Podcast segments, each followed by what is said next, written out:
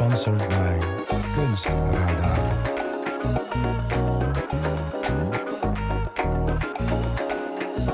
The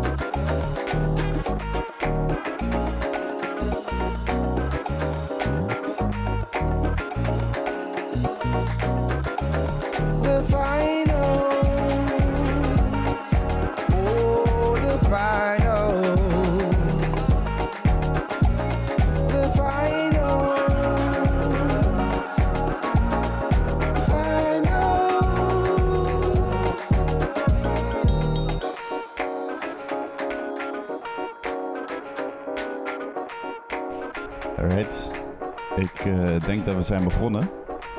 Vandaag een eh, iets andere aflevering dan normaal. Want eh Sean die zit niet naast mij, maar tegenover me. Hoi. Want eh, hij eh, studeert ook af. Wie ik wel naast me heb is eh, Zora. Hi. En die gaat eh, de, ik wou zeggen de Sean spelen, maar ook gewoon, eh, zij gaat ook gewoon eh, interviewen, de interviewer spelen nu. Ja. Eh, we hebben nu dus Sean en Bart voor ons neus zitten. Hoi. Hallo. En eh, jullie hebben allebei een voorwerp. Waar is die van jou, Sean? Dat is die pen. Die ligt erachter. Verstopt die achter Verstopt Ah, achter Bart's gigantische... niet. Motorzaag. Nee, dat verklaart een hoop. Eh, jij mag zeggen bij wie we gaan beginnen. Ehm, ik ehm, ben wel nieuwsgierig naar Bart. Volgens mij beginnen we met ehm, hoe het eerst ging. Je eerste jaar op de academie. Hoe je hier op school kwam. Hoe, je dat, hoe jij dat hebt ervaren. Hoe je een beetje bent ontwikkeld sindsdien. Dus eh. Oké, Ja. ehm, ja. Hoe ik hier op de academie ben gekomen. Nou, in 2009 ben ik al een keer bij eh DBKV gestart. Docentopleiding. En dat ging toen niet heel lekker. En daar ben ik na een halfjaartje mee gestopt. En ook in 2012 Fine Art gedaan. Ook, ook weer hetzelfde verhaal eigenlijk. Dus voor mij was het nu, eh, dat was het eigenlijk nu of nooit. Dus, de eh, derde keer scheepsrecht. ja. ja, maar ook echt een, eh, een, van een de levenslange droom die ik nog moest vervullen of zo. Dus eh, heel blij dat ik alsnog ben aangenomen. En eh, ja, ik sta heel, heel anders in mijn vel. Dus ook. voor jou was het best wel een andere ervaring dan voor de meesten, denk ik, dat eerste jaar. Het was echt Ja. het eerste jaar dat je eindelijk mocht, dat het eindelijk op zijn plek viel. Of hoe was dat voor jou? Eh, ja, alsnog heel spannend wel. Ja. Want eh, ja, ja, als het nou niet zou lukken, dan, eh, dan was het ook voor goed verkeken. Dus super gemotiveerd daardoor wel. Ja, Verliep het eerste jaar daardoor ook soepeler? Of? Ja, er waren alsnog wel wat, eh, wat persoonlijke probleempjes. Maar, eh, maar ja, nee, maar qua, qua eh, schooldingen ging het eigenlijk wel heel lekker. Ja. Ik, eh, ik denk dat ik een- op een moment in mijn leven ben gekomen. Of, eh, ja, ik weet niet of dat volwassen is, maar ehm, in ieder geval volwassener. Dus, Gewoon wat eh, serieuzere aanpak. Zo. ja, en iets meer levenservaring, eh, waardoor het dan nu wel kon of zo. Mhm. Ja. Wat, voor, wat voor dingen maakte je in het eerste jaar? Ehm, ja, dat is een beetje moeilijk te zeggen, omdat je dan alle basisvakken krijgt, toch? Dus je krijgt heel veel opdrachten. Ehm, maar gek genoeg, eigenlijk toch wel vergelijkbare dingen met die ik nu maak. Dus eh, toen was ik ook al bezig met collages en, en schilderen vond ik, eh, vond ik heel fijn. Ehm, en sculpturen eh, was denk ik als eh, toen ook al wat ik het leukst vond om te doen. Of ik denk dat ik dat eigenlijk toen heb, eh, heb ontdekt dat ik, daar, dat ik dat goed Oh, kan en ja, dat ik dat het leukste vind om te doen. Ja. Mm. Ah, terwijl je films ook wel geniaal waren trouwens. Er zat een hoop Films? humor in, laat ik het zo zeggen. Wat voor films heb je gemaakt? God, ja, we hebben toen dat, dat project samen gedaan met die mannequin. Hè? Die wandelende mannequin. Eh, maar ik kan me ook nog één goede herinneren dat jij... Ik weet in ieder geval nog iets dat je onder een tafel ging verstoppen en dat zag er gewoon eh, te, te grappig uit. Dat je, Ja, of die, in, in die biechtstoel met ons tweetjes. dat ik die zak patat in één keer ging vreten. Maar goed, laten we daar niet, eh, niet te veel. ja, ja, dat is niet heel boeiend werk inderdaad. korte filmcarrière. Eh, ja, hoe was, hoe was de tweede dan voor jou? Dan kom je iets meer, word je iets meer in diepe gegooid. Mag je jezelf gaan eh, experimenteren? Eh, best wel confronterend, denk ik. Want ik vond mezelf altijd een schilder. Dus daar ben ik ook eh, dat jaar mee begonnen. Maar dat waren echt van die gewoon hele slechte, eh, abstract expressionistische kliedertjes. Eh, ja, gewoon echt heel erg zoekende, denk ik. En ehm, toen opperde Gijs, eh, die kwam met het idee van... Hey, misschien moet je elke dag een, collage maken. Hij vertelde dan dat hij dat altijd voor zijn partner deed. Eh, en daarbij zei hij ook, richt het ook aan iemand. Desnoods elke dag voor iemand anders. Maar dan worden ze scherper qua inhoud. En dat ben ik gaan doen. En als ik er nu naar terugkijk, denk ik, oh, dat was nog steeds heel slecht. Of tenminste, Ja, maar je, eh, als ik er zo over nadenk, eh, heeft dat wel je productiviteit heel erg omhoog Ja. gebracht. ja. ja En je ja, doet het nog steeds, toch? Ehm, alweer eigenlijk. Ik ben Alweer, dit jaar er weer oh, mee oké, begonnen. Vorig jaar even niet gedaan. En nu vind ik ze wel echt eh, een stuk sterker geworden inderdaad. Ja. ja. En het, het houdt je inderdaad bezig. Je zorgt dat je in een bepaalde flow terechtkomt en elke Ja. dag bezig blijft. Oh, dat was een Ja. En afgeleid. Eh, maar ja, dus dat. Dus het is, eh, het is een hele fijne oefening. En soms komen er ook echt dingen uit. dat Ik denk, ja, dit, dit is het. Zo. Richt je, richt je ze eigenlijk nog steeds aan mensen dan? Eh, ja, ik heb ze nu ook allemaal voor Eline gemaakt eigenlijk. Voor mijn Oh, ja. partner. Ja. Ja. Dat is een mooie manier van werken, denk ik. Elke dag sowieso, dat is een... eh, Nou, dat, dat lukt me dan niet. Nee, maar dat idee, Ja. dat idee is er al. Dat is wel anders. Wel ja. met enige regelmaat. ja, precies. Maar je Ja. zei dat je in, in de derde dit even hebt losgelaten. Wat ja, heb je dan toen, wel heb gedaan? ik, toen ben ik echt, echt eh, het, het driedimensionale opgegaan. Toen ben ik echt veel gaan bouwen. En eh, toen heb ik ja, dat hele 2D achter me gelaten. Hoe is dat eh, gebeurd, denk je? Heeft dat een aanleiding gehad of is het gewoon zo gelopen, denk je? Eh, volgens mij heb ik dat me echt voorgenomen. Omdat ik dus Ja. het tweede jaar heel veel met schilderen bezig was. Dat ik dacht, zo, nu, nu ruimtelijk. Ja, En eh, ja, gewoon ontzettend veel plezier in gehad. En ook weer dat helemaal herontdekt van, oh, dat, dit was een, wat ik zo leuk vond ook aan het eerste jaar. Dat, eh, oh vet. er zijn veel, veel meer fysieke mogelijkheden. En eh, het voelt echt alsof ik mijn ideeën die ik, die ik eerder bijvoorbeeld op, op schilderijen eh, of in schilderijen had, dat, dat die echt fysiek de wereld binnentreden. Dus die, die worden tastbaar. Dat, dat vind ik heel, heel fijn. Ja, ik denk dat ehm, als ik mag invullen, ik ook wel dan, als ik naar jouw schilderij van het tweede jaar, als ik die weer pr- terug probeer te halen in mijn hoofd, dan zie je ook wel dat in jouw manier van schilderen en dat 2D-werk zie je een, die neiging of die urgency om, om, dat, om dat rond te maken, zeg maar. Om het bijna het schilderij uit te laten komen. Je wil eigenlijk Ja. gewoon een rond plaatje maken Ja, in die ja, wel vet. Ja, en ik denk dat wat ook, wat ook wel grappig is, is dat die, die manier van de, de, de- collages maken, dat is eigenlijk ook hoe ik mijn schilderijen en eh, de soort Ja. sculpturen opbouw. Dus dat collageachtige manier van werken, dat, dat komt ook een keer wel terug. Ja. Nice. Ja, ja, ja, want ja, als we dan nu in de vierde terechtkomen, dan eh, zijn, jouw, zijn jouw sculpturen inderdaad een soort van eh, collages van gevonden voorwerpen? Of hoe, Ja. hoe zou je het zelf beschrijven? Ja, deels. Ik denk eh, dat ik een soort coherente, eh, coherente manier probeer te vinden waarin eh, gevonden voorwerpen, dus ready-mates, samenkomen met wat meer ambachtelijke. Dus bijvoorbeeld keramische schoenen of ja, zulke dingen. en ja, en dat is altijd een beetje construeren, deconstrueren en, en weer dingen verwisselen. Het is altijd eh, ja, eigenlijk een beetje net als collages, knippen, plakken. Ja, met zo'n die lagen op elkaar de hele tijd. Ja. ja. Misschien zijn ze dat op zich wel een soort van assemblages. Heeft het spelen erin voor jou veel rol? Spelen als eh, de activiteit bedoel je? Ja. Nou ja, natuurlijk, ik vind het heel prettig om, om... Voor mij is het ook een beetje spelen. Hm. Maar ik weet niet zozeer of dat echt van belang is voor het beeld zelf. Ik denk vooral dat het, eh, dat het belangrijk is dat ze niet gefixeerd zijn. Dus dat, dat ze in wording zijn. Dat ze ook kunnen veranderen. Dat ik na, na verloop van tijd kan denken, wacht even, dit, dit heeft iets anders nodig. En ehm, ja, dat heeft wel een speels karakter. Ehm, Eh, eh, eh, zijn jouw eh, sculpturen eigenlijk ook dan v- naar iemand gericht? Als in, heeft, heeft het diezelfde gevoeligheidslaag of zoiets?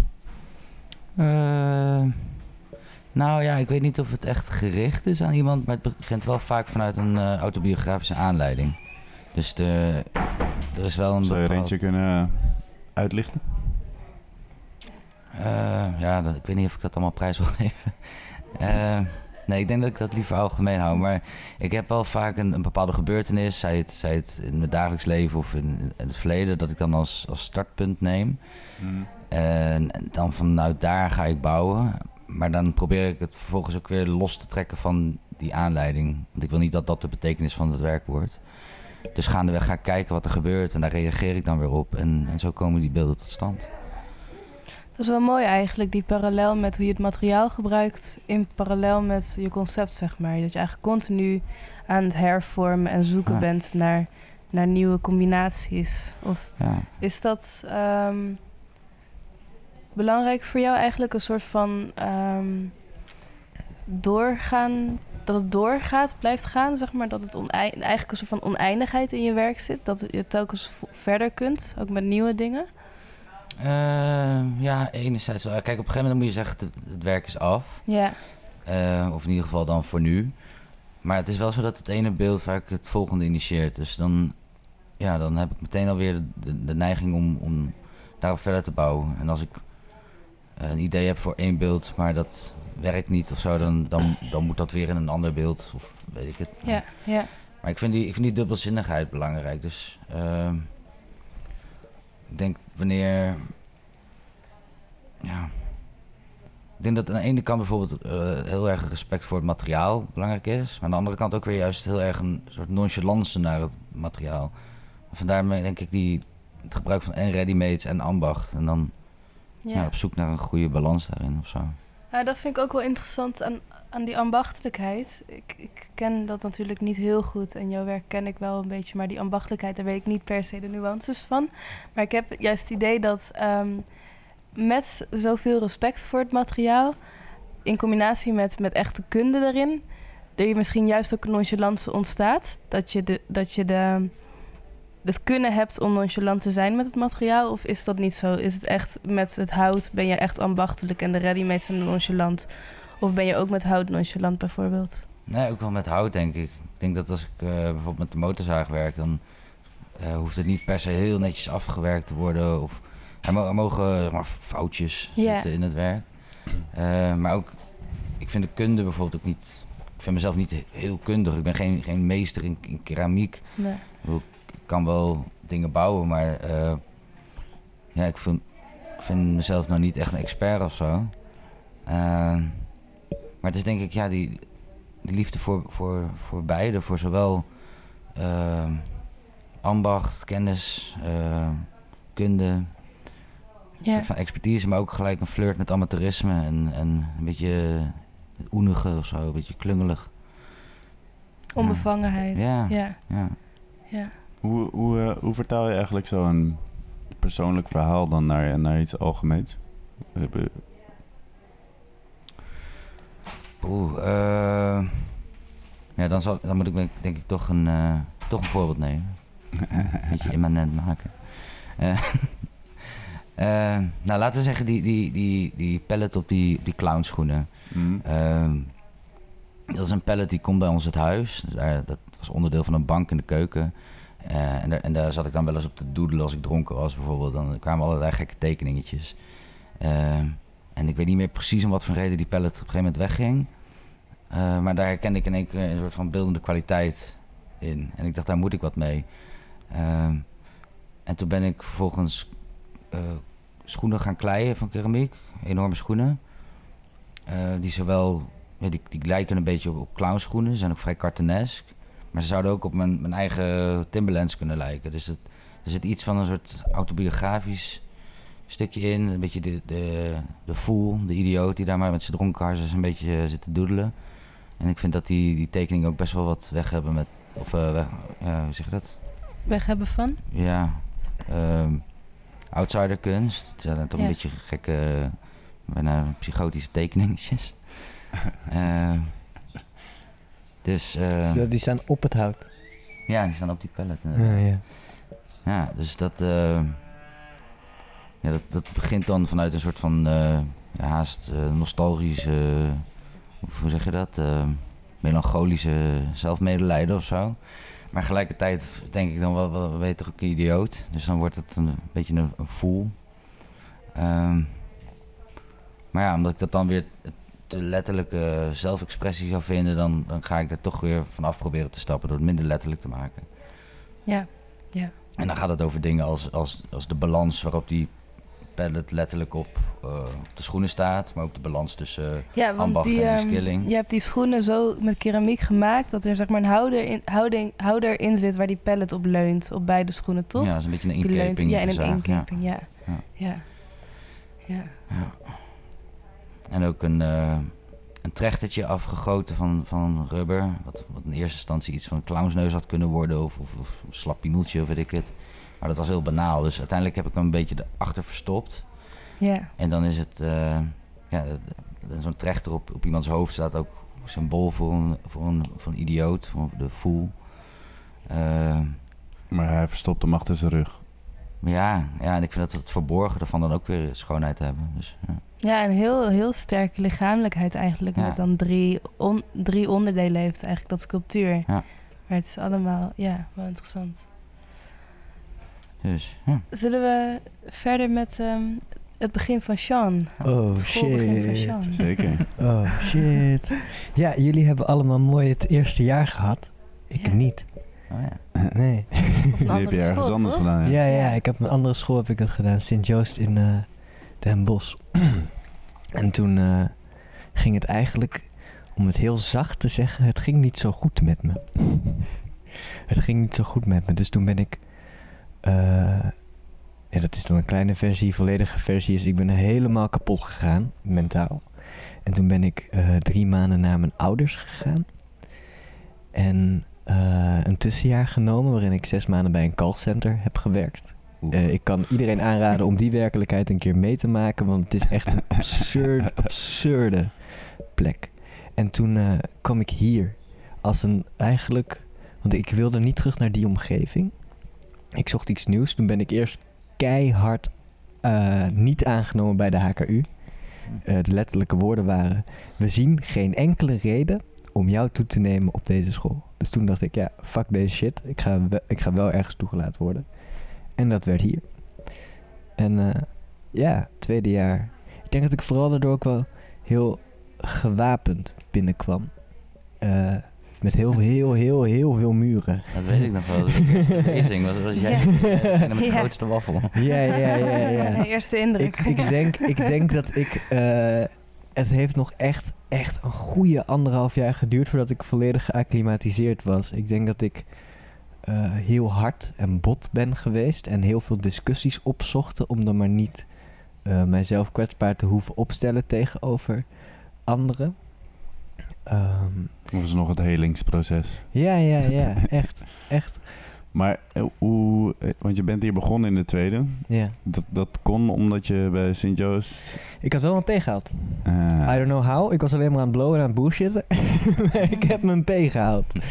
Eh, ja, op een magische wijze schijnbaar. En dan kwam je hier gelijk in een tutorgroep. Hoe, ging dat dan voor jou? Want had, was, was op je vorige academie ehm, eenzelfde soort studiopraktijk gaande of ja, zo? ja, ja, zo de eerste helft van het jaar hadden ze wel opdrachten. En de tweede helft van het jaar was het de structuur die wij ook krijgen Oh, in het ja. tweede jaar. Van, joh, ga maar doen. Dus dat ga maar doen, dat had ik al gewoon gehad. Daar Ja. had ik al heel veel Mhm. binnen geëxperimenteerd. Ja. Maar ik woonde toen nog in Tilburg. Want toen woonde ik, toen destijds toen ik hier in de tweede kwam, woonde ik in Tilburg. Dus ik zat heel veel in de trein. En toen is voor mij wel echt het lezen begonnen, denk ik. Het echte, echte, Mm. Alles onder de zon wat je in je handen krijgt, eh, beginnen te lezen. Maar toen bemerkte ik ook al wel meteen dat de klassieke studiopraktijk van eh, ik ga een sculptuur maken of een schilderij of een dat dat trok me nooit echt. Maar tegelijkertijd wilde ik in de tweede ook heel graag dingen doen waar ik op mijn bek kon gaan. Ik wil heel graag wilde ik iets doen waar ik totaal niet comfortabel in was. Dus toen ben ik gaan schilderen. Ja, daar Heb kon ik- geschilderd? Ik heb geschilderd. Serieus? ja, ja, er, er staan nog eh, doeken Oh, daar. in mijn atelier. Echt? Ik kan was ze wel laten zien. best wel belezen toen je, of voordat je hier kwam. Dat dacht ik altijd. Ja, zo kwam je in ieder geval wel over Ja, toen ja, je je in mond dat- opentrok bij in dat- lezingen. In dat gap year heb ik wel gewoon veel gelezen, inderdaad. Maar de echte rem ging er pas vanaf op het moment dat ik hier kwam. En ineens... Want op die andere school, als ik iets zei wat slimmer was of zo... dan begon iedereen altijd te zuchten. dan, dan ja, dat, dat, Dat heb je hier niet gemerkt? nou, Kwam door die muren. Ja. ja, het, nou, ja, dat, dat is dan een soort van, je wil laten zien dat je iets weet de hele tijd. Dat was Mhm. het voornamelijk, maar nu, nu hoeft het niet meer. Ik denk dat door de jaren heen, door zo vaak ook op mijn bek te gaan, dan spring ik alle kanten op. Want geschilderd heb ik ook. Ik heb eh, heel veel performances gedaan, Sculpturen Ja. van karton. sculpturen van karton gemaakt. Karton is een terugkomend. Karton komt altijd wel terug. Ja, ja, ja. Dat heb ik in de derde ook. Ik denk dat ik gewoon voornamelijk heel veel irritatie had door die studio. Dus toen dacht ik, ik ga met karton ga ik alles eh, inpakken en hutjes bouwen. En eh, ik wilde gewoon een, een speeltuin maken eigenlijk. Eigenlijk wilde ik gewoon spelen in de derde. Voornamelijk ging ik ook met Nerf guns door de school lopen. Groot irritatiefactor voor velen. Hartstikke leuk voor de mensen die meededen. dus het is wel echt een soort exploratie geweest van wat er allemaal kan en wat er allemaal niet kan. Wat is nou precies, wanneer maak je iets? Dat vroeg ik me altijd af. Want ik zie mezelf ook als een redelijk passief mens. Dus daarom moest ik mezelf altijd tricken in dingen doen. En ik dacht, ja, als ik dan ga spelen, dan is het gewoon leuk. Dan kan ik wel dingen doen. En Dat is toch de- denk ik ook wel een van de mooie kanten van het kunstenaar zijn. Dat je gewoon eh, altijd mag blijven experimenteren en spelen en doen. Ja, ja. Maar tegelijkertijd heb ik ook wel een immense haat naar, naar maken of zo. Tegelijkertijd, omdat het, omdat het maar moet. En Het is een soort kriebeltje aan de binnenkant van je buik. En die komt zo, het komt zo om de zoveel tijd naar boven. En dan moet je wel weer. Maar moet het, moet het van jou of moet het van Het moet- dit, eh, dit gebouw? het moet van of mij. moet het moet van mij. Het moet er altijd uit. Dan lig je om drie uur s'nachts in bed. En dan denk je van, oh, oh, idee. En dan mo- moet je opstaan. En dan moet je nog even dat opschrijven of tekenen. Of even een schetsje maken. Of... Op een gegeven moment gaat het ook wel... Ja, ik, ik denk dat de afgelopen paar jaar toch ook wel een redelijk gevecht met mezelf zijn geweest of zo. Door jezelf constant in van die ongemakkelijke posities te plaatsen. eh, en je muren daarbij omhoog te houden. Ehm, ja, daar word, je, daar word je zo geconfronteerd met jezelf, denk ik. Het is vooral heel veel vechtig geweest. Waar, waar gingen jouw eh, schilderijen, sculpturen, performances meestal over? Machtspositie. Gewoon, ehm, de- ik vond het altijd verdomde interessant hoe eigenlijk systeempjes die we dan bedenken, die houden elkaar in stand. Dus neem geld of zo. Dat, ik vind geld heel interessant hoe dat werkt. Ik kan niet naar de bakker gaan en zeggen: hey, ja, ik wil met mijn linker slipper betalen of zo. We doen allemaal alsof dat klopt. Alsof dat eigenlijk goed werkt. En dan, eh, daar vond ik altijd een beetje, dat vond ik gek. Dus eh, ik vond het verdomde interessant. En toen wilde ik eigenlijk altijd een dynamiek establishen die zichzelf dan ook affirmeerde.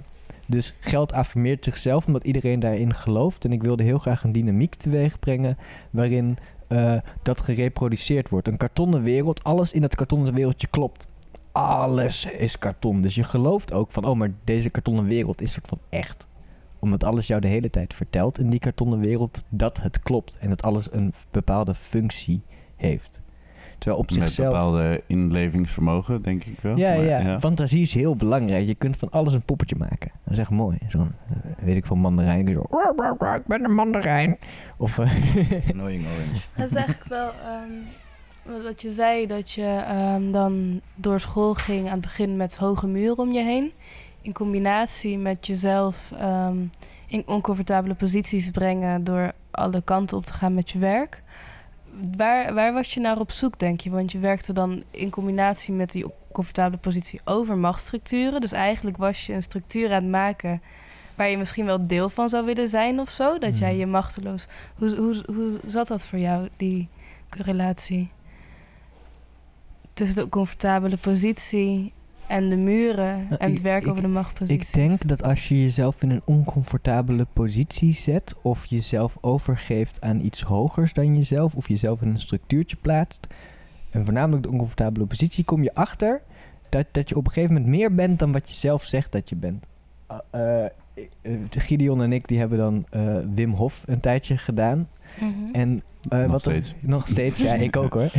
wat er dan gebeurt is, ik vertel mijzelf de hele dag allemaal dingetjes. Ik vertel me, ik moet mijn muur ophouden, ik moet met dit sociaal ding dit goed doen, ik moet dat goed doen, ik moet hier slimmig zijn, ik moet daar slimmig zijn. En eigenlijk kom je er dan achter, dat zijn allemaal maar verhaaltjes die ik mezelf de hele dag vertel. Wat Ja. ik daadwerkelijk kan en ben, is zoveel mooier en meer dan dat. En ik denk dat ik naar die realisatie op zoek was. Heel, heel onhandig. Heel onhandig op zoek. Ik denk dat dat voornamelijk heel veel op mijn bek gaan ook wel geleerd heeft. Dat dat, ja, als je dat loslaat, dat er dan iets heel moois ook uit kan komen. Juist. Is dan de machtspositie bij jou nodig om je comfortabel te voelen? Heel diepgaand opeens. Maar... Ehm, weet ik niet. Ik denk dat er altijd een debat in je hoofd is over. eh dat noemen ze dan master servant. eh, master servant dynamic. Dat je de hele tijd bezig bent met soort van.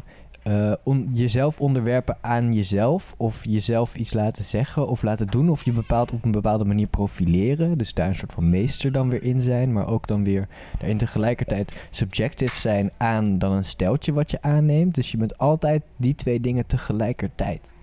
Dus als je dat vraagt, dan weet ik dat niet zo goed meer. Ik denk dat die grenzen ook heel grijs zijn allemaal.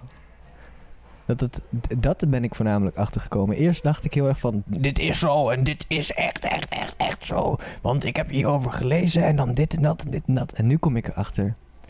Het boeit niet hoeveel je hebt gelezen. Boeit geen kut. Echt helemaal niks. Er zijn mensen die kunnen je de meest fantastische verhalen vertellen. Zonder dat ze ook maar één boek hebben opengeslagen. En ik vind dat mooi. Je kunt die dingen kun je ook leven. En dan eh, krijg je dezelfde waarde, dan al niet iets waardevollers. Dan wanneer je dat leest, denk ik. Mhm, mhm, mhm. Mooi, Sterk mooi. punt, sterk punt. Maar ik vind het dus ingewikkeld om naar een praktijk te brengen. Omdat ik de laatste tijd mijn praktijk voornamelijk als schrijven zie. Dus ik heb een heleboel dingen gedaan. Performance, karton, eh, schilderen. Maar tussendoor ook altijd geschreven, toch? Ja, altijd geschreven. Altijd schrijven als leidraad eigenlijk. En dan pakte ik zo'n heel groot stuk papier en dan mijn gedachten springen ongeveer 30 verschillende plekken op per seconde, weet je wel. Dan ging ik op dat grote papier gewoon hele mindmaps maken. En dan uiteindelijk dan werkte door het doen van het schrijven, werkte het zichzelf uit. Hm. Dan op een gegeven moment dan wist ik waar het over ging door het gewoon maar eh, uit te kotsen, zeg maar. Heb je dan, als je zegt dat schrijven je leidraad is en dat nu ook schrijven zo eigenlijk belangrijk is de laatste tijd. ehm, je had het over lezen en dat lezen dus eigenlijk ehm, dat je mensen hebt die hele mooie verhalen kunnen vertellen zonder ooit gelezen te hebben. Zou jij eigenlijk dan heel graag zo'n mens willen zijn die dat kan? Of hoe zit dat schrijven voor jou? Nee, maar wat, wil je, wat is dat schrijven voor jou? Wil jij degene zijn die gelezen wordt? Of wil jij het persoon zijn die niet leest? Zeg maar? Die Eh, vertelt? Eh, ja, ik denk dat je. eh, ja, ik denk, ik denk dat, dat het allermooiste stukje wat je kan lezen, wat ik zou willen neerzetten, is het stukje waar ik zelf compleet weg ben. Ja. Dat je iets kan weergeven of opschrijven zo mooi en accuraat. En de persoon die daarachter zit in waardelatend, of het ding dat daarachter zit in waardelatend, dat dat niks meer met mij te maken heeft. Ik denk dat de beste schrijver vergeet dat hij schrijft. Eigenlijk, op die manier. Ik, dat vind ik heel interessant aan schrijven. En eh, ik lees de laatste tijd ook eigenlijk bijna niet. Hm. Ja, wel, ik heb nu dan Herman Brusselmans lees ik, want dat vind ik heel leuk. Dat heet ook Weg met de literatuur. Ik vind hem, eh, ik vind hem een hele grappige man. Ik weet niet of ik er verder een mening over heb voor de persoon. Maar ja, ik vind het toch wel eh, belangrijk om juist ook even niet te lezen. Ja. Ja. Want dan komt er iets uit. Ook nu, vroeger als ik schreef, als ik dat dan teruglees, dan wilde ik heel veel zeggen. Dan ging het over soort meta, meta, meta van meta van meta. En nu denk ik van ja, maar het is toch ook heel mooi dat je zeg maar door de stad loopt en dat je zo'n vrouw hoort. Ja, ik word heel gelukkig van de kleine dingen. Maar ik ga dus verhuizen en ik wil wel in mijn, in mijn huis wil ik een designertafel en een koelkast en een tv. En, een- en die twee dingen die bestaan dan naast elkaar. Dat heeft zoveel waarde. Al die kleine verhaaltjes op straat. Maar je, je wil dus eigenlijk eh, loskomen van eh, dingen schrijven met, eh, hoe noem je dat? Bronnen in je achterhoofd, zeg maar. Nou, ik, En gewoon meer vanuit jezelf. Niet overkoepelend of zo. Ik denk dat het. eh, ik heb bijvoorbeeld ook leren coderen. En daar ineens realiseerde ik me dat je. Je hebt iets super concreets nodig binnen het schrijven. Want het coderen werkt in blokjes. Dan ga je blokje 1, blokje 2, blokje 3. En dan doet, reageert het allemaal op elkaar. Als je schrijft, dan is het handig als je begint met iets concreets. Een concreet als die vrouw die dat dan, dan zegt. En dan vervolgens kun je vanuit dat concrete kun je een soort van verdiepen. Kun je die bronnen gaan toepassen om een ieder soort van laddertje te maken naar een abstractie. Hm. Dan ineens, dan wordt het voor de lezer, die sprongetjes die ik dan maak, die worden ook opeens te volgen. In plaats van dat je begint met en Prometheus die het vuur maakte en Nietzsche zei be- boeien, weet je wel?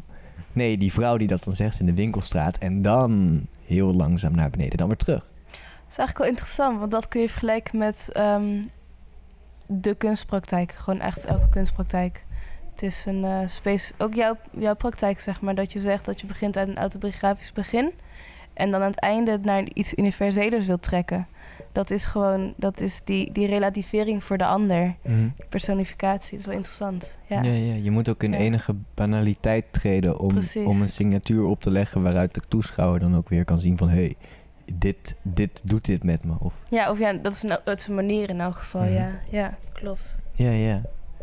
Ja, dat heb ik wel echt geleerd. Er is ook sindsdien ook echt een, een rust in me gekomen die ik nog echt niet kende. Ik denk ook een vertrouwen vooral in mezelf. Niet het vertrouwen in de zin van ik ga niet meer op mijn bek. Maar meer het vertrouwen in de zin van als je een kind bent. En je bent klein en je bent jong. En dan val je. Je valt als kind, je bent drie jaar, je wil leren lopen, je flikkert. Ja, je mag op je bek gaan. Je mag op je bek gaan. Ja. Jij vertrouwt in je lichaam volledig dat jij de volgende honderd keer, als jij loopt, dat het dan misschien na honderd keer wel lukt. En ik denk dat dat de realisatie is geweest. Dat, Dat is eigenlijk wat je heel graag wilde bereiken toen je hier kwam. Ja, ja, met ja, eh, ja. playground maken, met een speeltuin maken ja. hier. Dat is eigenlijk gewoon vragen om op je bek te gaan. ja, In een speeltuin ga je op je bek. ja, ja, ja. ja. Maar ik, ik ben nog steeds even onhandig hoor. Ik doe nog steeds echt dingen waarvan ik dan later denk van, dat was niet handig. maar nu, nu oordeel ik mezelf daar denk ik minder op. ja. Dat is het. Eerst was het oordeel heel hard, continu. Die, eh, die, die onder, eerst, eerst was eh, schrijven zeg maar een beetje de onderliggende laag. Ja, Dat is nu naar voren gekomen. ja. Op, eh, op welke manier eh, komt dat naar voren nu dan? Gewoon doen. Ja, maar ik bedoel meer van, eh, kijk, eh, je hebt zometeen eh een expositie. Ja. En daar moeten we misschien nog niet helemaal over beginnen, maar je hebt, je hebt dit al vaker gedaan dan alleen maar wat er gaat komen bij de finals. Dus hoe, in wat voor vorm komt het schrijven dan naar buiten?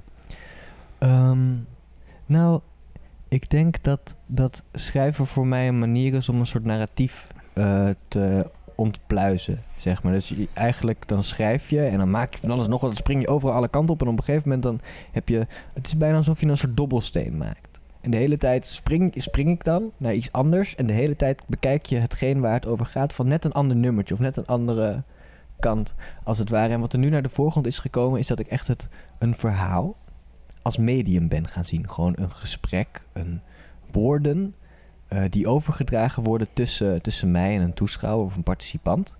eh, als medium ben gaan beschouwen. De rest allemaal weggelaten, al het gedoetje, alle... Ik moet een sculptuur maken, ik moet dit, ik moet dat, ik moet dit. En ik heb bedacht, ik hoef helemaal niks. ik wil gewoon niks. Maar dan een beetje eh, als een, als een dada-manier of, of fluxus of iets? Eh, nee, nee, nee, nee. Ik speel, ik speel altijd... Ik weet niet hoeveel ik hierover kan zeggen. Omdat... Niet al die kaarten op tafel. Nou, als, ik, als, als, als mensen dit nu dan luisteren voor de finals, dan is mijn hele spiel is zeg Mm. maar naar de knoppen. maar het gaat eigenlijk om eh, vaak ook perceptie van waarheid. Ik denk dat er iets gebeurt, een evenement gebeurt, of iets, ik, ik doe iets. Dat is voornamelijk de onhandigheid die ik bedoel. Ik denk, ik doe iets en dan gebeurt er iets. Bijvoorbeeld, ik heb momenten gehad in de tweede dat ik heel boos ben geworden op iemand om echt zo'n klein dingetje. Ik zat niet lekker in mijn vel, heel wispelturig. Ik kon niet echt aansluiting vinden. En in dat moment werd ik heel erg boos. Maar dat heel erg boos zijn, dat heeft in principe geen enkele waarde. Het is gewoon emotie die ik dan uit. Maar vervolgens, doordat er iemand dan daarover gaat nadenken, en ik daarover gaat nadenken, van oh, dat is eigenlijk niet handig. En, eh, eh, en dan op een gegeven moment dan wordt dat ding wat er gebeurt, is iets heel anders. Dat gaat dan doorweven in de sociale omgang met de persoon die ik, met die persoon. En dat wordt ineens een soort van patroon waarin er dan een bepaalde dynamiek ontstaat tussen mij en diegene. Waardoor de handeling zelf, van ik die boos word, totaal weg is. Het gaat om waarheidsperceptie. Ik denk dat we eh, constant maar onszelf iets vertellen. En, en dat is het, denk ik. Mhm. Ja. Dus van schrijven naar een, een non-script Het, ja, het, performance. ja, ja, ja. Het gaat altijd over eh, hoe neem ik iets waar. wanneer projecteer ik iets op iets. Want als die kartonnen ruimte bijvoorbeeld ook. Dan loop je naar de binnen, het was een soort plastic koepel waar je dan doorheen kon kijken. En dan signaleer ik eigenlijk, je bent een, ik ben een aapje voor jou. Je kijkt door een, ik had een hele grote plastic koepel die je van die McDonald's Mhm. eh, speelplaatsen ziet. Had ik op de een of andere manier voor like 20 euro op een eh, soort ijzerschroot gevonden. En de perceptie van die toeschouwer, ik geef ze iets wat ze volledig geloven in dat moment. Want ze spelen het spelletje mee. Als het ware. En daar gaat het denk ik altijd. Daar draaien al die performances en alle schilderijen draaien altijd over. Ik geef jou iets en jij gelooft iets wat eigenlijk een beetje gekkig is dat je dat gelooft. Of dat dat...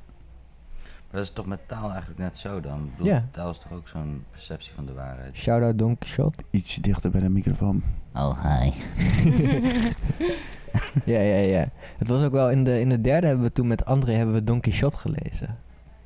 Echt een verrijking. Dat is, eh, dat is een ridder en die, die leest Het was zoveel... ook een hel, maar het was ook een verrijking. Ja, ja, ja. Eh, ik raad iedereen aan om dat boek zowel wel en niet te lezen. maar ja, het gaat dan over een ridder die dan zo erg veel ridderromans heeft gelezen dat hij gelooft dat hij een ridder is. Prachtig. Geloof jij dat je zelf een filosoof bent, door al die filosofen die Nee, je hebt ik gelezen? geloof dat ik voornamelijk mens ben. Ik, ik, word, ik merk ook de afgelopen vier jaar, als ik één ding geïrriteerd maak, is dat mensen vertellen me, ja, je bent een schrijver. Mensen vertellen me, ja, je bent een performer. Mensen zeggen me, ja, je bent een kunstenaar. Ja, je bent een filosoof. Je bent dit. Nee, ik ben mens. Ik scheid, weet je wel? Je Ik- gewoon een aap, een aap met een iets te sterk ja, ja. Een aap ziek tot in den dood. Gewoon, weet ik veel wat ik doe. Weet jij veel wat je doet? We doen allemaal maar wat. Misschien wil ik dat wel gewoon vertellen. Eh, eh, zullen we naar de voorwerpen gaan? Ja, Ja, Want eh, jullie hebben beide best wel logische voorwerpen meegenomen eigenlijk, als ik er zo over nadenk. ja, heel pragmatisch. de tools. Maar eh, Bart, wat betekent dit eh, voorwerp? Of nee, wat is het voorwerp en wat betekent het voor jou? Eh, nou, het is een motorzaag. Maar niet zomaar een motorzaag, maar een carvezaag. Dus dit wordt echt gebruikt om eh, sculpturen uit, uit hout te houden. Zeg je dat zo? Houden? Vet. Carven, ja. Eh, En eh, ja, en ik denk dat dit, want ik, eh, ik werk hier, hierna, of hier, hiernaast werk ik in de, in de bosbouw, boomverzorging, hoe je het noemen wil. Eh, dus dat is eigenlijk ook die keren dat ik eerder op artis heb gezeten en weer ben gestopt, ben ik dat gaan doen. Weet je, via mijn vader ingerold. Dus dat is altijd een soort van tweede wereld geweest ernaast. En dat, dat is ook nu, blijft dat zo. En ik vind het heel mooi dat, dat in die zaag komen die twee werelden samen. Dus dat vind ik ook dan weer een... Nee, ik hou heel erg van, van, van ogenschijnlijke tegenstellingen. En soms blijken die wel helemaal geen tegenstelling te zijn. Dus hier ook weer dat... eh, komt eigenlijk sowieso wel terug in jouw werk. Als ik nu zo, zo eh, de natuur en... Ja, ja. en, eh, ja, ik, ik, ik vind ook heel veel materiaal in het bos. En eh, ja, er is heel veel hout ja, aanwezig. ook, Ja. je, ook je, ook je eh, collages. Ja. Ook, zeker, ja. En Dus, het is ook ehm, een mooi contrast, even voor de mensen thuis die eh, de zaag niet kunnen zien. Het is een eh, kettingzaag met een volgens mij iets kortere zaag en een ander soort ketting. Oranje. Oranje, hij is knaloranje. Dus het is ook wel mooi dat je echt dit, eh, die industrialiteit ervan ziet, van dat zagen. In combinatie met dan de uitkomst ervan. Dat het eigenlijk niet fragiel is, maar wel ontzettend fijn. Ja. En, en uitbedacht, Mm. uitgewerkt. Ja. ja en Je ik beschreef Bart nu eh, gewoon. Gewoon heel hard van buiten en zacht van binnen. ja, ja, ja, ja. Bart kan echt de liefste dingen Maar zeggen laatste tijd mensen. ik best wel zacht van buiten hoor. maar eh, nee ja, ik vind die twee werelden vind ik eh, heel mooi samenkomen. En het, ik, ik begin dat werk in het bos ook steeds meer te zien als onderdeel van, van mijn kunstenaarspraktijk. Ja. Dus eh, ja, dat is, ik geloof niet dat dat alleen eh, binnen de muren van een atelier gebeurt. Ik Ja. eh, ben in het dagelijks in het bos ben, werk ben ik ook bezig met nieuwe ideeën of contempleren over bestaand werk. Ja, zoals ik al zei, het vinden van materiaal, dat, ja, dat, dat hoort er allemaal bij. En dan vormt zich dat uiteindelijk in, in een werkplaats of, of, of in, in een studio. Maar dat is allemaal onderdeel ervan, vind ik. Dus ja. Eigenlijk wel mooi hoe je werk dan ehm, uit verschillende locaties echt ontstaat ook. Dat je zegt dat je die pallets bij je huis vandaan hebt, in het bos vind je dit. Dat je echt in verschillende locaties op andere manieren met je werk bezig bent ook. Ja, alleen eh, het is nu heel erg zo dat, eh, dat ik dan dingen vind en die mee mijn atelier neem. Ja, En we hadden dan Birte Leemeijer als second voice. En die had een hele goeie. Die zei, is het niet juist ook heel interessant als je dingen meeneemt naar het bos? En daar. Ja, dan krijgt het een hele andere context. Dus ja. dat is ook iets waar ik in de toekomst meer mee wil experimenteren, denk ik. interessant. Ja. Dus. Ben jij... Ben je een zacht mens? zacht mens. Ja ik, denk, ja, ik denk het wel. Ik denk dat ik on- ongelooflijk bot en lomp kan zijn. Maar ik denk dat ik van nature heel zacht en zorgzaam mens ben, ja. Ja, ja, ja. Ik weet nog dat je iedereen complimentjes ging geven nadat we een performance hadden gedaan. Dat was zo lief. Ging die gewoon iedereen zo langs. die zei, jij bent echt... En dan ging die gewoon perfect zo eenmaal... Bart, Bart is sowieso heel goed en heel enthousiast over andermans werk praten. Maar zijn eigen werken moffelt hij altijd een beetje weg. Voor mijn gevoel. Oh, nou, dat, dat, dat vond ik spannend. Ik vond het altijd heel eng om over mijn eigen werk te praten. Omdat ik, en misschien ook omdat ik al twee keer het niet heb gehaald op Artes. Dat ik altijd toch een beetje bang was om te falen. En, en, en eh, dat het allemaal maar niet goed genoeg was of zo. En ik, eh, ik denk dat ik sinds... Nou, ik denk dat ik dit jaar echt enorme sprongen heb gemaakt. Dat ik door mijn artistic research echt, echt heb eh, leren kijken naar mijn werk. En echt, echt heb gevonden waar, waar gaat het nou over. Waar gaat het over? Ja, nou, we zijn nu aan het einde van het gesprek.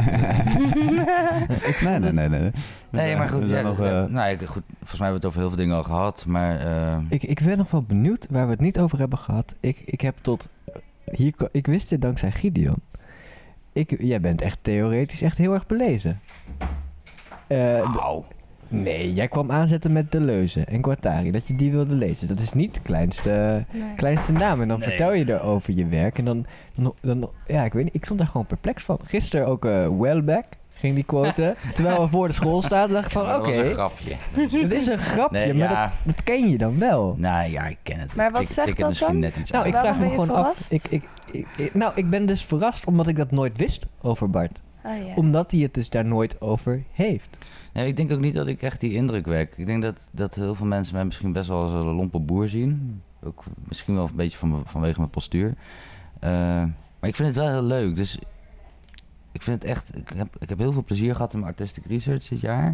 Ik heb er ook ontzettend veel van geleerd. En dan vind ik het ook leuk dat ik erover kan vertellen. Dus ja, ik haal daar wel plezier uit. En het, en het Want ho- hoe vermengt zich dat theoretisch dan met zo'n eh, echt een, een ambacht? Hoe vermengt dat zich? Nou volgens mij eh, d- doe je, doe jij per werk eigenlijk wel, toch? Zo, eh, eh, wat, eigenlijk wat je al hebt verteld, zo van je, je persoonlijke verhaal maak je algemener ook mede dankzij die eh, filosofen en dergelijke. Ja, ik denk dat dat soms. Ik denk dat ik in grote lijnen naar mijn praktijk kijk. eh, naar een soort algemeenheid in, in de werken die ik maak. Maar dat ik ook heel, graag, eigenlijk tijdens het werken al, maar, ook, maar vooral na, eh, naar een werk kan kijken en, en denken van ja, wat, wat betekent het nou? Wat, waar, gaat het over? Waar, ben ik nou echt mee bezig? En dan eh, kom je toch elke keer en heel erg terug op de balans. zoals heel letterlijk, ehm, wat dan ook weer meteen te maken heeft met mijn fascinatie voor traditionele beeldhouwkunst. Ehm, en tegelijkertijd die flirt met amateurisme waar we het over gehad hebben. Dan zit, er zit humor in het werk, maar ook juist een hele diepe ernst. Ehm, ja, dus dan ga ik kijken, wat is, wat is dat dan voor humor? Dat is ook echt iets wat ik heb onderzocht dit jaar. Van, ja, het is niet per se heel grappig of zo. Eigenlijk helemaal niet. Dus het is meer een soort absurdisme. En ja, waar ik achter ben gekomen, dus Schopenhauers definitie van, van humor. En daar zit Jan op te wachten. Ja, dat dacht ik al. Ik zie hem glunderen. maar dus de, de, de ernst die verscholen zit achter de grap. De, André zei dan een keer... eh, de nar vertelt lachend zijn tragische waarheid. ja, en dat is dan weer super cliché, maar dat vind ik juist weer zo interessant. Die, die, die- inderdaad, die, die, de, de tragiek achter het masker van de clown of zo. Ja. Ja. De beste clowns zijn depressief.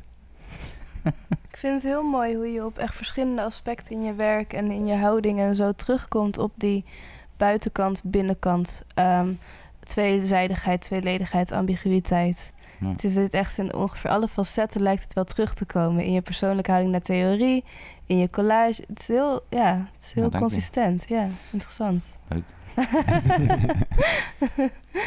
Zullen we verder naar, naar Chans pen? Je hebt een pen Oh, bij je, shit. toch? Ja, ja, een vulpen. Sean Een vulpen, een is, speciale eh, Ja, ja, dit is een eh, vulpen die heb ik van eh, Sarah, shout-out Sarah, goede vriendin van mij, gekregen voor mijn verjaardag. mijn, mijn ateliergenoot.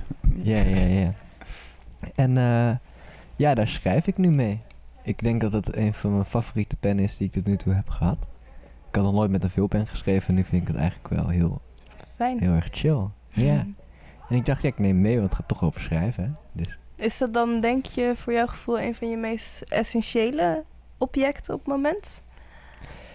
Een gebruiksvoorwerp is het? Is ja, het ja, belangrijk? het is een tool om. Ik, ik Ja. denk dat het, dit toevallig, het had elke pen kunnen zijn, maar nu is het toevallig deze pen. mooie Ik- pen. Ik, denk dat je ook op achterkant, achterkanten van bonnetjes heel goed, goed kan schrijven. Of op LP-hoezen, of op, eh, weet ik veel wat, bierveeltjes, bierveeltjes, het welbekende bierveeltjes. Dus het maakt niet echt uit, denk ik, wat voor... Ja, wat de woorden zitten er al in, je moet ze er alleen nog uithalen. Ja. Ja, maar het is ook wel echt een symbool van het ambacht schrijven, zeg maar. Het is, eh, het is de, Ja. eh, de, nou, noem- hoe noemen we dat? Industriële, industriële revolutie van de, de veer, zeg maar. De industriële revolutie van de veer. Zeg ik dat goed? Of, Heel nice. Ja, ja, ik vind hem, ik vind hem heel mooi. ja, ja, er is, gewoon een, er is gewoon bij mij een ontzettende noodzaak om het te doen.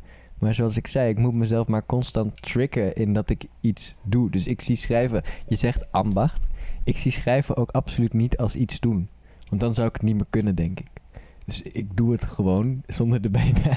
Maar dat is altijd heel ingewikkeld. Want daardoor deed ik allemaal heel veel dingen. Maar dat schrijven viel, viel altijd een beetje op de achtergrond. Ja, En- maar je, je, je traint het wel, toch? Ik bedoel, je zit elke dag te schrijven, dus dan Ja, is ja, het toch ja. wel... Ja, je hebt er toch een regelmaat Ja, ja. in, dus dan ben je toch iets aan Ja, het ja. doen. De Wil- truc Wil jij jezelf een beetje een soort van voor de gek houden om productief te zijn? Dat je, Ja, ja. dat je bepaalde dingen zo bedenkt om productiever te kunnen zijn. Dat je het niet ziet als een, Nee, als een tuurlijk. actie om Ja, te ja. schrijven. Maar dat is ook, ja, zeker. Ik denk het wel. Anders dan, eh, zoals ik zei, ik ben gewoon een heel passief mens eigenlijk in de kern. Dat is een hele harde realisatie om te hebben, denk ik. Want je moet constant, wordt je verteld, ja, je moet dit doen en dat doen en dit doen. En ehm, dan gaat het altijd bij mij een beetje in de rem, denk ik. Dus Mhm. om echt iets te kunnen doen, moet ik mezelf inderdaad voor de gek houden. Ja. En dat doe ik nu de laatste tijd met schrijven, door te zeggen dat het echt heel kut mag zijn. Dat het echt heel erg kut mag zijn. Als je, het- als je het maar gewoon doet. ja. Gewoon iedere dag toonladders oefenen. En dan zie je dus misschien de, de handeling van het schrijven als een soort noodzaak om een verhaal te uiten. Ja, ja, ja. Mooi. Ik weet ook nooit wat ik ga schrijven als ik begin. Want Ik heb ook heel veel getekend. Heb ik ook echt heel veel gedaan. Maar dat kan je ook inderdaad Ja, ja, ja. zien.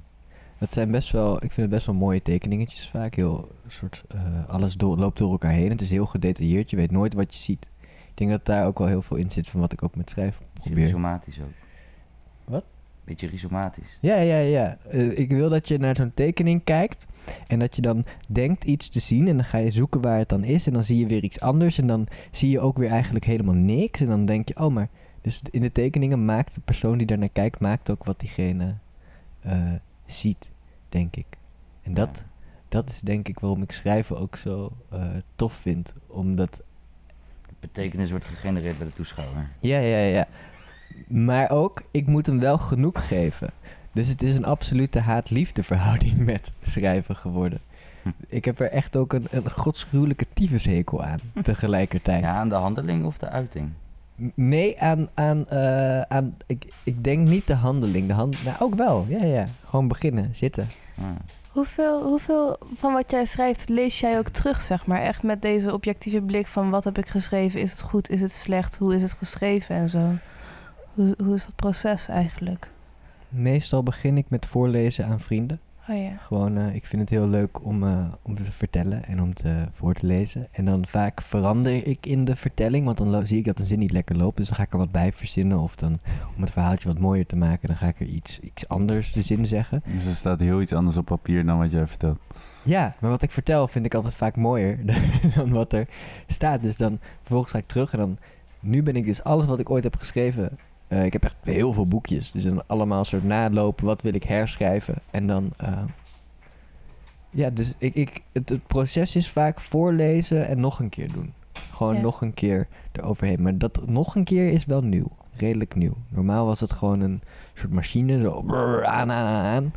Ehm, en nu is het ook wel, oké, maar wat, wat gebeurt hier nou? Waarom is iets goed? Ja. Waarom werkt iets? Waarom werkt iets niet?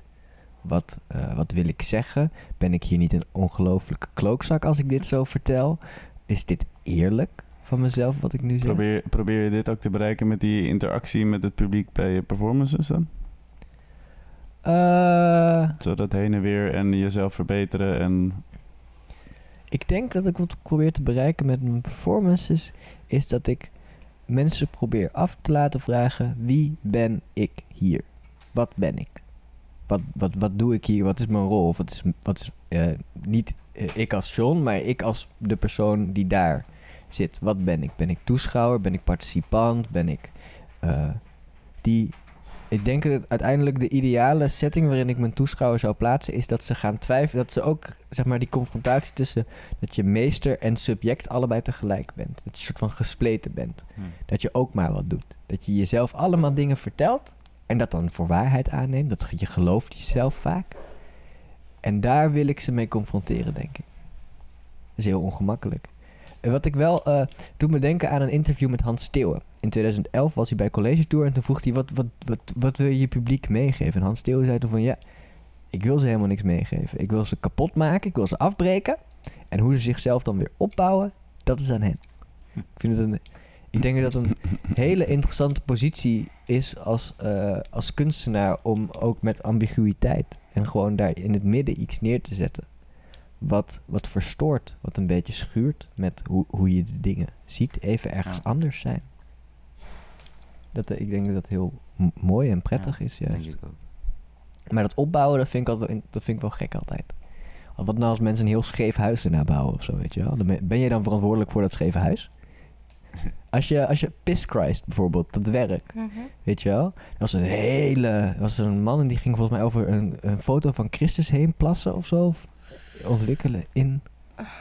Ja, ik weet het ook niet meer precies, maar... Volgens mij ehm, inderdaad Of een beeldje over een foto he- heen, volgens mij over een foto Oh, heen geplast en dan een Nee, dus- foto van de foto dan. Of is dat werk, is die foto dan echt tentoongesteld? Ja, ja, ja, weet ik eh, niet. het, wer- het werk zelf is de foto van de ondergepieste foto of zoiets. Ja, Ja, maar Zoiets misschien is dan, ja. Zoiets. Nou, goed. Ehm, daar is vervolgens een hele mythevorming omheen beland. Dus het hele huis, die, die intentie van die kunstenaar, die zal was wel, die wilde disruptive zijn, die wilde toch ook een beetje zo iets zeggen. Maar vervolgens heb ik het gevoel alsof de soort integriteit van het werk heel erg is aangetast doordat er een mythevorming is geweest. Kijk naar Picasso, wat we nu allemaal wel niet van Picasso vinden, of van Duchamp, of ehm, al die. Er is iets gebeurd en dan vervolgens wordt daar iets over, over gezegd. Of, en da- daar vind ik het altijd wel. Misschien wil ik het ook daardoor spannend maken in performances. Ik wil, ik wil niet dat mijn huis altijd mooi gebouwd is of zo, denk ik. Het hoeft niet. Als ik, ik wil niet voorkouwen dat jij een soort mooi huisje moet bouwen. Als je. Karel Appel ging altijd met zijn dochtertje schilderen. En totdat ze vier werd en naar de middelbare school ging, vond Karel Appel dat zijn dochtertje beter kon schilderen dan hij. En toen ineens. Toen, Middelbare school. Nee, nee, nee, basisschool. En Ah. toen leerden ze op de basisschool, hoe moet ik een huisje tekenen? Hoe moet, Ja. zogenaamd moet hè, Mm. ik een poppetje tekenen? Daar wordt het niet meer interessant. Ik denk dat er, als er iets op het spel staat, dan is het tof. Weet je wel? Hm. Een echt goed werk vindt ook niet iedereen goed. Dat geloof ik echt. Ja. Als je een echt goed werk hebt, dan moet je iemand zeggen, ik vind het zo kut, ik word hier zo boos van. Je? Als het maar Ja, emotie op Ja, goed, dat ligt eraan. Dat vraag ik me af. Kijk, dat is heel erg de vraag of iets tegelijkertijd Dichter formeel geslaagd... Oh, hi. of iets tegelijkertijd formeel geslaagd kan zijn en ehm, echt bij de kern van de zaak kan komen of zo. Hm. Dat is ook iets waar ik zelf denk ik heel erg naar zoek. Of, dat, of daar een balans in kan zijn, of dat het het een of het ander is. Maar wat bedoel je? Dat eh, om een echt goed werk te zijn, dat, dat, eh, dat echt bij de kern komt, echt bij de waarheid. Ja, ja, Of, dat, of, dat, of dat die boodschap uit kan dragen, of het dan ook tegelijkertijd nog voorbeeld geslaagd kan zijn. Ja, ja, ja, ja, maar ik, ik denk dat als dat goed lukt en het brengt iets los en het brengt iets teweeg. En, eh, het is beter als, het als iemand een hele heftige negatieve reactie heeft dan als iemand echt volledig onverschillig blijft, denk ik, toch? ja. Als, als het niet beweegt, dan, dan gebeurt er niks, Mm. denk ik. Ja. Ja. Er moet een reactie zijn. Ja. Maar dat komt dus alleen wanneer je dus die machtsdynamiek gaat toepassen. Je vroeg of ik daar eh, een plezier in heb om die te, of, een, of ik dat graag zou willen om te functioneren. Maar ik denk dat juist de wisselwerking de hele tijd dat innemen dan weer niet in, dan weer innemen dan weer niet in. dan weer- Daar word je helemaal koekoek van, zeg maar. Dat vind ik heel grappig om teweeg te brengen. Ik denk wel dat, dat dat idee van een goed werk wel een subjectief idee is hoor. Of dat het een reactie moet op, oproepen. Hm. Ik denk dat dat. Daar zou je ook nog anders over na kunnen denken. Ik denk dat dit nu voor jou, voor jou een manier is. En Nou, nou, wat- wat- Nou, dat het is- Dat blijft voor iedereen anders. toch? Ik, als Ja. ik zoiets zeg, dan is dat vaak de dingen die ik zeg voelen heel erg als schijnposities. Ja, Dus wat ik dan zeg, dat meen ik aan de ene kant. En Ja. aan de andere kant is daar altijd maar een positie die ik in dat moment Ja, inneem. Ik ja. kan, wat ik zei dat ik heel boos werd op iemand, of dat ik in een discussie iets heel bots kan zeggen, is in dat moment een positie die ik inneem om iemand soort van te testen of een beetje in een discussie de gronden af te testen. Maar ik, ik geef je absoluut gelijk. Hm. Het is, het is helemaal niet eh, objectief, is, kan niet iets een goed werk zijn. Maar ook dat is Nee, een dat positie die je nu niet. inneemt. Dat Of wat bedoel je dan? Ehm, jouw idee van ehm, wanneer iets een goed werk wordt, dat het een reactie moet oproepen. Ik denk dat voor iedereen dat anders kan zijn. En goed werk kan ook reactieloos zijn, denk ik, voor iemand. Het is, ehm, maar dat is dus wel een, een, een continue positie dan toch? Ik denk dat je wel met dezelfde positie werk maakt, met hetzelfde Hmm. idee. Maar dus gewoon een subjectieve positie, eentje die jij kiest. Hmm. Maar ehm, ik denk dat we een beetje moeten verder praten over de volgende Ja, periode. je had het echt goed bij. Je, periode, eh, dankjewel. Proud of you. Gaan. Nee. Natural. Ja, Shine met ontslagen, denk ik. ja, ja, ja. Maar we waren gecanceld al de vorige keer. Dus dan, eh, Eh, ja, Bart. Ja. eh, twee laatste vragen nog. Jo. Eh, wat kunnen we precies, of nou precies, kan je een tipje van de sluier eh, toelichten van eh, wat je gaat laten zien op de finals? En wat ben je van plan na de finals, zeg maar na de academie, wat staat er dan te wachten? Ja, ja, eerste finals. Nou, ik, ik ga denk ik een selectie tonen van mijn sculpturen. Dus ik heb best wel veel sculpturen. Eh, veel grote sculpturen ook. Dus eh, ik denk dat ik daar een beetje in ga, moet gaan editen. Maar dat weet ik dus eigenlijk nog niet. We gaan, we gaan, tijdens het opbouwen ga ik samen met, eh, met Fleur, onze curator, en met, met Gijs... kijken wat, wat werkt. Misschien dat ik verschillende dingen moet gaan opbouwen en dan een keuze maken. Ja, ik, ik weet het gewoon nog niet. En dat vind ik eigenlijk juist wel heel interessant. Maar in ieder geval een hele hoop hout. ja, wel, er komt denk ik wel hout in voor, ja. En, ehm, en wat ik hierna ga doen, nou... Ja, ik had me aangemeld voor de ateliers en Piet Zwart. Dus, eh, maar goed, ja, die kans is natuurlijk ontzettend klein. En ik heb er ook niks meer van gehoord, dus daar ga ik niet van uit. De ateliers hoor je pas in juli. In juli? Ja. Ja, maar voor die ja. tijd zou je dan toch een keer voor een interview uitgenodigd nee, moeten worden, nee, toch? Nee, je hoort echt ehm, alle, je krijgt alle info pas in juli. Oh. Ja, dus eh oh. kan nog altijd.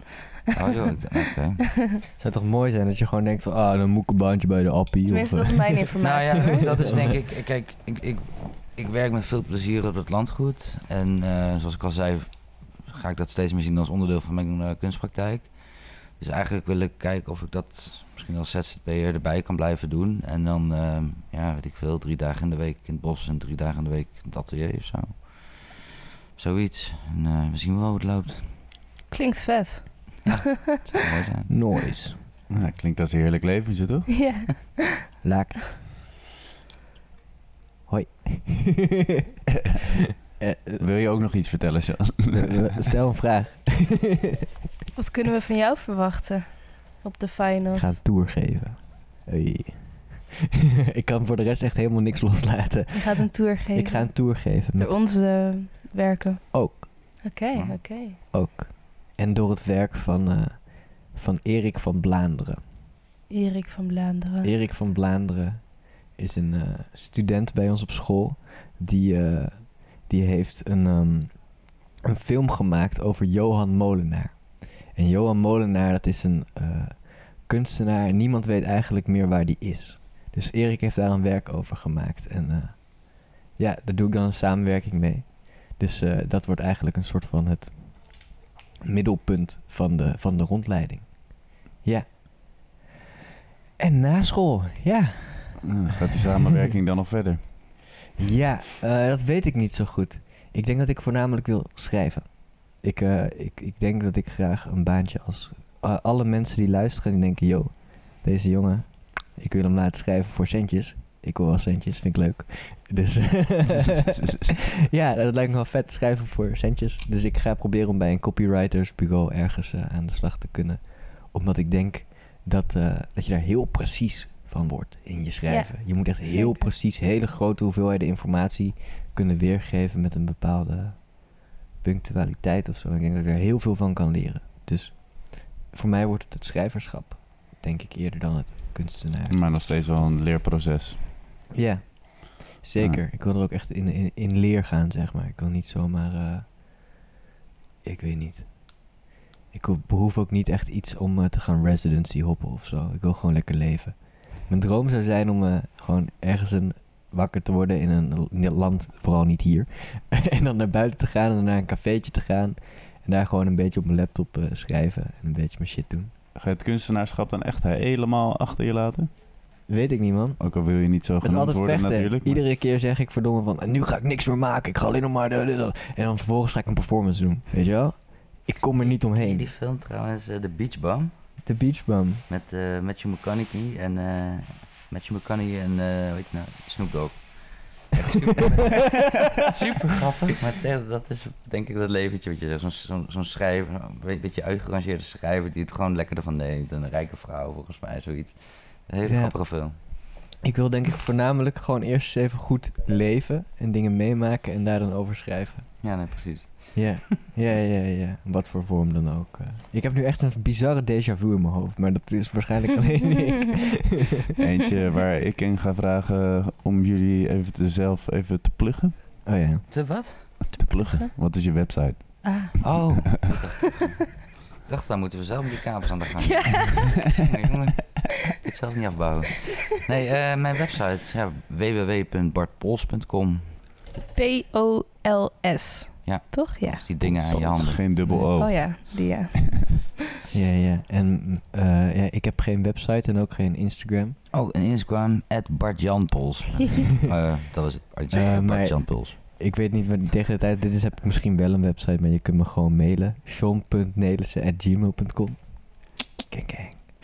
en eh, ja, dan moet je mij weer doen wat je wil. Zo, als je kaartje wil sturen, digitaal, hartstikke leuk. Voor je redac- redactieve problematiek. Ja, ja, ja, ja, ja. Of als je op straat rondloopt en je denkt van, eh, staat die gast me nou af te luisteren? Of Dat als, je, is- kan ook ja, als je, of als je zelf een leuk verhaaltje hebt of zo, weet je. Als je een leuk verhaaltje hebt wat je wil sturen, ben ik best wel, vind ik best wel vet. Ja, Als je leuke gesprekken opvangt, zeker over schrijven, lijkt me leuk. leuk, leuk. Cool. Sora, Cool, ja. dankjewel. Ja, Heel dank- graag Nee, gedaan. gesprek. Ik vond het een leuk gesprek. Bedankt voor eh, jullie eh, aandacht ook. Ja. is leuk. Nou, Cool. En jullie eh, ook natuurlijk succes bij de finals. Oh. Ja, succes bij de finals. Ja, jij ook zo, hè? Bedankt. Top. Ciao. Sponsored by Kunstradar.